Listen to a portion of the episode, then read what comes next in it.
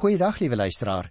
Ons is vandag eintlik by 'n belangrike punt want jy sal onthou dat ons 'n hele klomp hoofstukke gedoen het uit die boek Romeine. En ek het elke keer vir jou gesê dat daar een lang gedeelte is waar Paulus spesifiek gepraat het oor die Christus gelowiges se lewe as nuwe mense.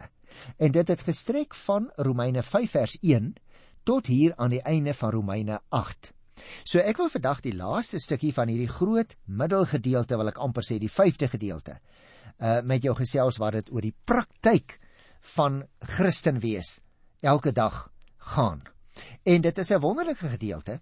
Ek wil vandag net die tweede uh afdeling van vers 18 af behandel tot aan die einde van hoofstuk 8, dit wil sê tot by vers 39.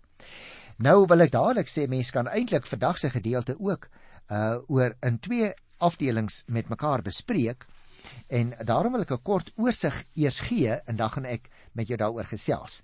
Dit handel dan oor die heerlikheid wat vir ons voorlê in die toekoms. En liewe luisteraar, ons moet dadelik onthou die vermelding van die komende heerlikheid, noem Paulus dit hier in vers 17, wat vir God se kinders voorlê, trek by Paulus, ek wil amper vir jou sê, 'n sluys van gedagtes oop oor die toekoms. Dit is 'n toekoms wat getipeer kan word deur twee woorde. Die een woord sou ek sê is bevryding en die ander woord is heerlikheid. En albei hierdie gedagtes het ons alreeds in die voorafgaande hoofstukke ook teëgekom by Paulus. Maar nou bou die apostel in 'n sekere sin daarop voort. Hy brei uit. Maar hy begin eintlik met heerlikheid en hy eindig ook weer daarmee. Jy kan maar gaan kyk in vers 18 waar hy praat van die heerlikheid en ook weer in die 30ste vers. En tog luisteraar, tog staan daar 'n noue saaklike verband tussen vryheid en heerlikheid, omdat laasgenoemde die gedagte van koninklike heerskappy bevat wat teenoor die slawerny en die nie vryheid staan.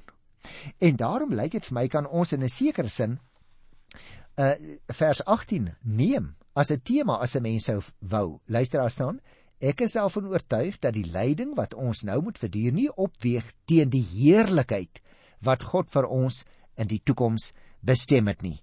En daarom het ek ook ons program vir vandag genoem: ehm um, die heerlikheid wat kom. Jy gaan ook sien as ek dit nou nou begin behandel dat uh, vers 18 tot 25 spesifiek oor erfenis praat. Dit gaan oor 'n erfenis. Watter erfenis? Die erfenis ons toekomstige heerlikheid.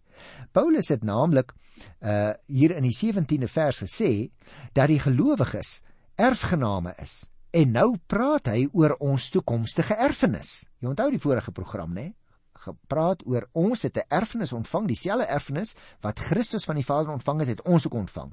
En nou praat hy oor daardie toekomstige erfenis uh, in vandag se program. Die heerlikheid wat God met ander woorde in die toekoms vir ons sal laat aanbreek wanneer hy publiek bekend sal maak dat hy ons as sy kinders aangeneem het.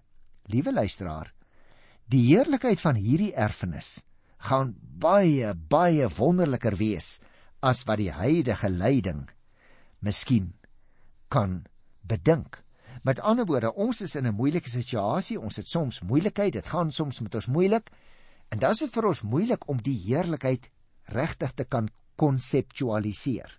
En ek wil dadelik vir jou sê, dis 'n so groot woord dat ek dadelik dit andersom vir jou sê. Ons kan nie regtig verstaan hoe groot die heerlikheid wat die Here vir ons in gedagte het werklik gaan wees nie. Ons verstand is te klein, ons koppies kan dit nie vat nie. Dis waarop dit neerkom. En daarom sal jy nou sien hoe dat Paulus vir ons baie mooi stukkie vir stukkie probeer verduidelik van die erfenis en hoe dat hy ook vir ons sê, ehm um, die Heilige Gees pleit steeds vir die gelowiges. Met ander woorde, die gelowige saam met die skepping is nie alleen in sy versigtiging dat God die heerlikheid vir sy kinders moet laat aanbreek nie. Die Gees self pleit vir ons met versigtings wat nie met woorde gesê kan word nie, skryf vers 26. Dit gaan dus hier nie in die eerste plek oor ons gebedsverleentheid in die algemeen nie. Maar spesifiek gaan dit oor en rondom ons uitsien na die volëinding. ons weet nie presies luisteraars hoe ons oor die volëinding moet dink nie. En ons weet ook nie wat ons roeping in die hede, dit wil sê totdat die volëinding vir ons aanbreek, is nie. Wanneer jy so verleë in die gebed voor die Here te staan kom, dan weet dan dat die Gees vir jou en vir my pleit. Hy dra as dit ware ons swak formuleringe, soms selfs ons verkeerde formuleringe. Dit dra die Heilige Gees oor in die oor van God, die Vader waar hy op die troon sit. Die Heilige Gees verseker as dit ware dat die bedoeling van ons harte reg oorkom al spreek ons dit op 'n verkeerde manier uit. Intussen vervul jy en ek ons roeping totdat God op sy tyd sy belofte tot uitvoer gaan bring. Ek wil net as 'n hakie sê Paulus het natuurlik ook elders in die Bybel geskrywe van sy eie twyfel tussen uitsien en hiernamaals. Tussen sy roepingsvervulling aan die een kant en sy hoop op die toekoms. Jy kan maar gaan kyk in uh, Filippense 1 vers 22 tot by vers 24, maar ek sal met jou in detail gesels as ons daaroor kom. Nou wil ek dan eers uh hierdie eerste klompie verse behandel, hier vers 18 tot by vers 30, maar ek wil uh ek wil eers vir jou 'n vragie vra. Het jy ook al miskien geluister? Luisteraars. Hoe mense partykeer sug. Nou ja, dis nou 'n simpel ding om na te luister, hè, om te luister hoe ander mense sug. Maar het jy al geluister hoe mense partykeer sug? Dis gewoonlik wanneer hulle heimwee het. En as jy so na mense luister wat sug en jy vra, nou maar hoekom sug jy nou so? dan kry jy natuurlik verskillende antwoorde. Iemand gaan vir jou sê, "O, ek sug, ek verlang na die plaas. Ek verlang na die goeie ou dae." Iemand gaan sê ek verlang na my ouers. Ek verlang na 'n goeie vriend wat ek gehad het op skool. Verlang na die Bosveld. Vir ons wat hier in Pretoria woon, ek verlang dikwels na die goeie ou Kaap, hoor, dit kan ek jou verseker. Maar in ons gedeelte, liewe luisteraar, praat Paulus ook oor sulke sugte. Het hy ook toekomsheimwee? Maar dan moet jy nou oplet, dan bedoel hy nie sommer net hierdie horisontale heimwee sugte nie. Hy praat van 'n verlange oor die herstel van alles rondom ons. Paulus sê hy hoor as dit ware hierdie toekomsversugtinge wanneer hy gaan stil sit en luister. As hy luister na die skepping in vers 22. As hy luister oor die Christene sug in vers 23. As hy hoor die Heilige Gees slaak ook versigtinge in vers 26. Wanneer hy ons behoeftes en ons verlangens uitsig voor die Vader. Is dit nie wonderlik nie? Hoekom mag jy nou vra Hoekom nou al hierdie sugte van heimwee oor die toekoms? Die apostel sê dit word getrigger deur al die negatiewe dinge, al die lyding rondom ons. Hy sê, kyk, as jy nou hier in die wêreld is en jy kyk rondom ons, jy kry swaar, dit gaan met jou moeilik, dan sug jy. Hoekom? Oor die toekoms. Daarom wil ek vir jou sê, liewe luisteraar, jy moet jy moet leer om vorentoe te sug nie altyd agtertoe nie. Sug vorentoe. Kom ons kyk na hierdie gedeelte vers 18. Ek is daarvan oortuig dat die lyding wat ons nou moet verduur, nie opweeg teen die heerlikheid wat God vir ons bestem het en wat in die toekoms sal aanbreek nie. Jy sien, Paulus teken hier ons situasie. Kyk maar net rondom jou, liewe luisteraar. Ongelukkig is dit wat ons dikwels op die televisie sien. Dit wat ons elke dag beleef, dit wat ons in die koerant lees, dis donker dinge. Maar nou praat die apostel sommer in dieselfde asem van 'n ander werklikheid. Die heerlikheid wat God in die toekoms gaan laat aanbreek. Jy sien, wanneer hierdie nuwe toekoms aanbreek, gaan daar weer hoop wees. Ek weet dit. Want die apostel gebruik nie minder nie as 4 keer die woordjie hoop in vandag se gedeelte. Vers 20, vers 24, vers 25. Jy sien, die meeste Christusgelowiges het hierdie toekomsheimwee, hierdie hoop begin verloor. En juis daarom het ons so groot behoefte aan hoop. Waar Christene swaar kry en ly, luisteraars, waar Christene vervolg word en soms moet hoor van 'n dierbare wat sommer net sinloos vermoor is, daar word hulle toekomsverwagting ook dof. Dis eers wanneer hulle eers weer gehelp kan word om 'n ander werklikheid te kan visualiseer, dat daar weer hoop kan kom, dat hulle oë weer kan blink. En dit lyk vir my dis wat Paulus in hierdie gedeelte wil doen. Hy sê man, as ons rondom ons kyk, ons sien net al die lyding, al die moeilikheid en die swaar kry. Hy sê kom ons kyk vorentoe, kom ons sug 'n slag met die oog op die toekoms wat vir ons voorlê. Ons slaak 'n sug van verlange met die oog op die toekoms. Vers 19. Die skepping sien met gespanne verwagting daarna uit dat God bekend sal maak wie sy kinders is. Is dit nie 'n wonderlike versie nie? Hy sê ook die skepping dra tog die merk en die gevolge van die sondeval. Genesis 3 van vers 14 af lees ons hoe dit daar dorings en distels sal wees as gevolg van die sondeval. Maar hier in Romeine in hierdie hoofstuk 8 by die 19de vers word die skepping nou gepersonifieer. Dit beteken, luisteraar, die skepping word as dit ware as 'n mens voorgestel. Daarom lees ons hier van gespanne verwagting. So met 'n uitgerekte nek as dit ware, met uiterste gretigheid om te wat? Om die dag van die vernuwing wat voorlê te aanskou. Die skepping wag met reikhalsende verlange. En nou sê Paulus, selfs dit, daardie verlange, kan nog nie opweeg teen die heerlikheid wat geopenbaar sal word nie. En op daardie dag skryf die apostel nou, sal twee wonderlike dinge gebeur. Die 19de vers sê God sal bekend maak wie sy kinders is. En luister nou na vers 20. Die skepping is immers nog aan verydeling onderworpe, nie uit eie keuse nie, maar omdat God dit daaraan onderwerp het. Daarby het hy die belofte van hoop gegee. En sien, hier praat hy nou vir die eerste keer van die hoop. Hoekom? Vers 21 gee die antwoord. Die skepping, lees ek hier in die Bybel, hy sê, die skepping sal self ook bevry word van sy verslawing aan die verganklikheid om so tot die vryheid te kom van die heerlikheid waaraan die kinders van God deel sal hê. Jy sien, liewe luisteraar, dis die tweede ding. Die skepping sal self ook bevry word. Die skepping verlang nie net na daardie dag nie as die skepping so gepersonifieer word nie. As 'n persoon word die skepping nou ook geteken as dat hy self bevry sal word. Ken jy dalk in die kerk waaraan jy behoort ook uh, Gesang 177. Ek sien 'n nuwe hemel kom, 'n aarde nuut en vry. Nou jy sien daardie uitdrukking is natuurlik geformuleer op grond van hierdie vers, want die aarde gaan bevry word sê die apostel hier en so singe mens in Gesang 177. O luisteraar, daar sal ook in die skepping wat herstel word weer 'n magtige simfonie orkes wees tot eer van die Here want sien die nuwe aarde sal weer vry wees van verganklikheid, vry vir God en die nuwe mensheid. Vers 22 sê: Ons weet dat die hele skepping tot nou toe sug in die pyne van verwagting. Jy sien hier in die tussentyd sug die skepping nog onder die swaar kry, maar let nou op. Nie 'n swaar kry as gevolg van moeilikheid nie. Nee, die skepping sug van verlange na wat voorlê.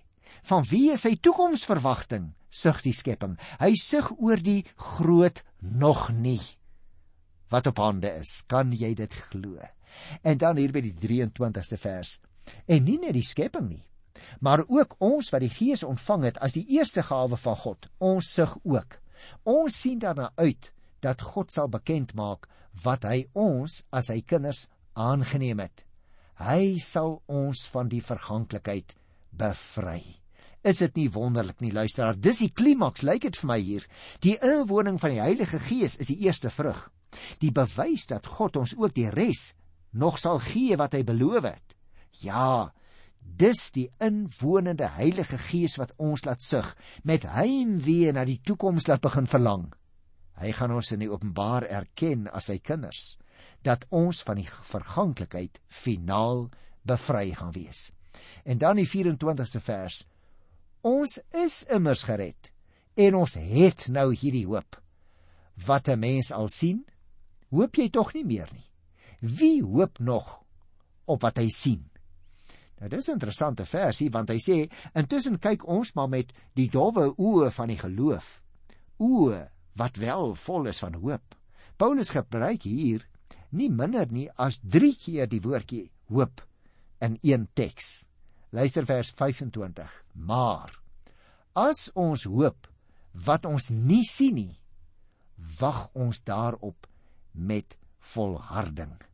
Jy sien, liewe luisteraar, wag op daardie dag met volharding. Dis hierdie nuwe werklikheid waaraan jy en ek vashou ook as ons swaar kry, wat ons help deurdra te midde van al die dinge wat rondom ons gebeur elke dag.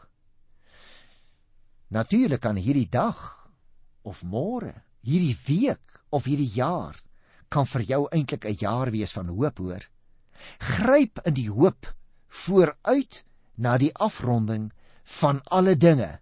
En onthou, vir jou en my as Christus gelowige is elke dag 'n dag van hoop. Deur ons optrede moet dit blyk. Uit ons drome moet dit blyk. Deur die uitlatings wat ons maak daaruit moet dit blyk. Uit ons lewenstyl moet dit straal. Ons is mense van hoop. Liewe luisteraar, leef hoopvol elke dag. Want die heerlikheid van die groot sug dit trek ons vorentoe, hoor. Maar ek wil graag nog 'n paar verse met jou bespreek voordat ons klaar maak want ons het mos nog tyd in hierdie program.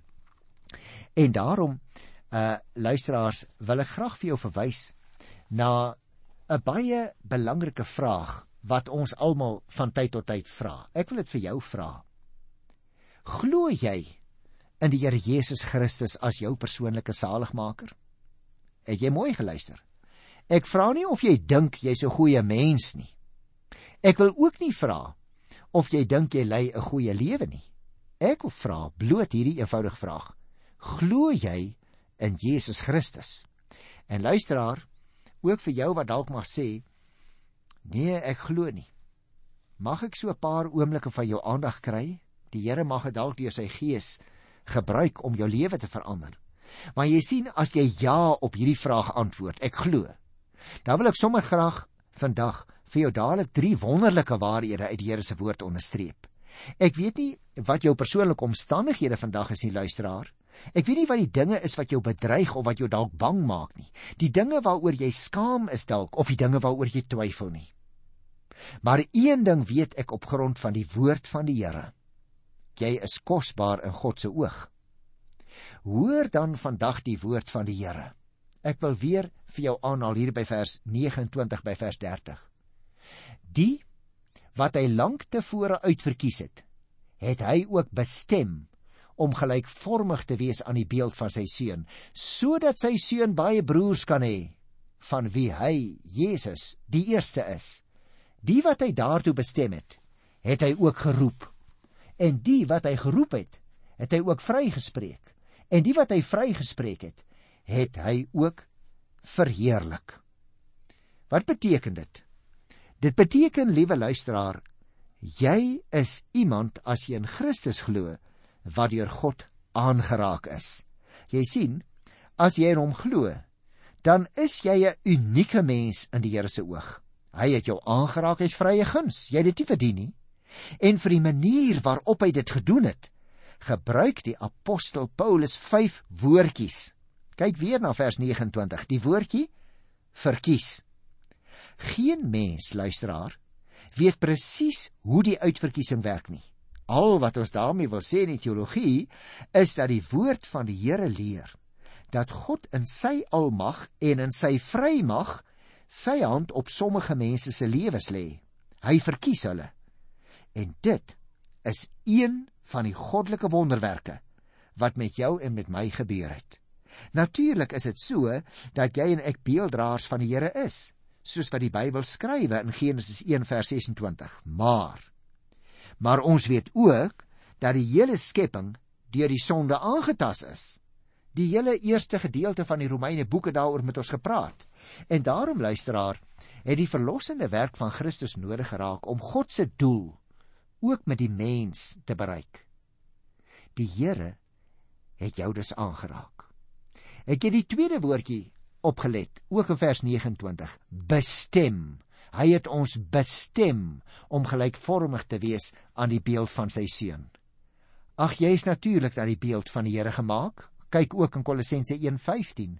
En in Jesus Christus is die volle wese van God beliggaam. Kolossense 2 vers 9. En dit is waarvoor God ons bestem het. Kan jy dit glo om gelykvormig te wees aan die beeld van sy seun? Paulus skrywe sodat sy seun baie broers kan hê van wie hy die eerste is. In vers 30 word nog 'n woordjie gebruik. Geroep. Jy sien, dit is waartoe die Here vir jou en vir my geroep het. En hoe daardie roeping plaasgevind het. Luisteraar, dit maak nie regtig saak nie.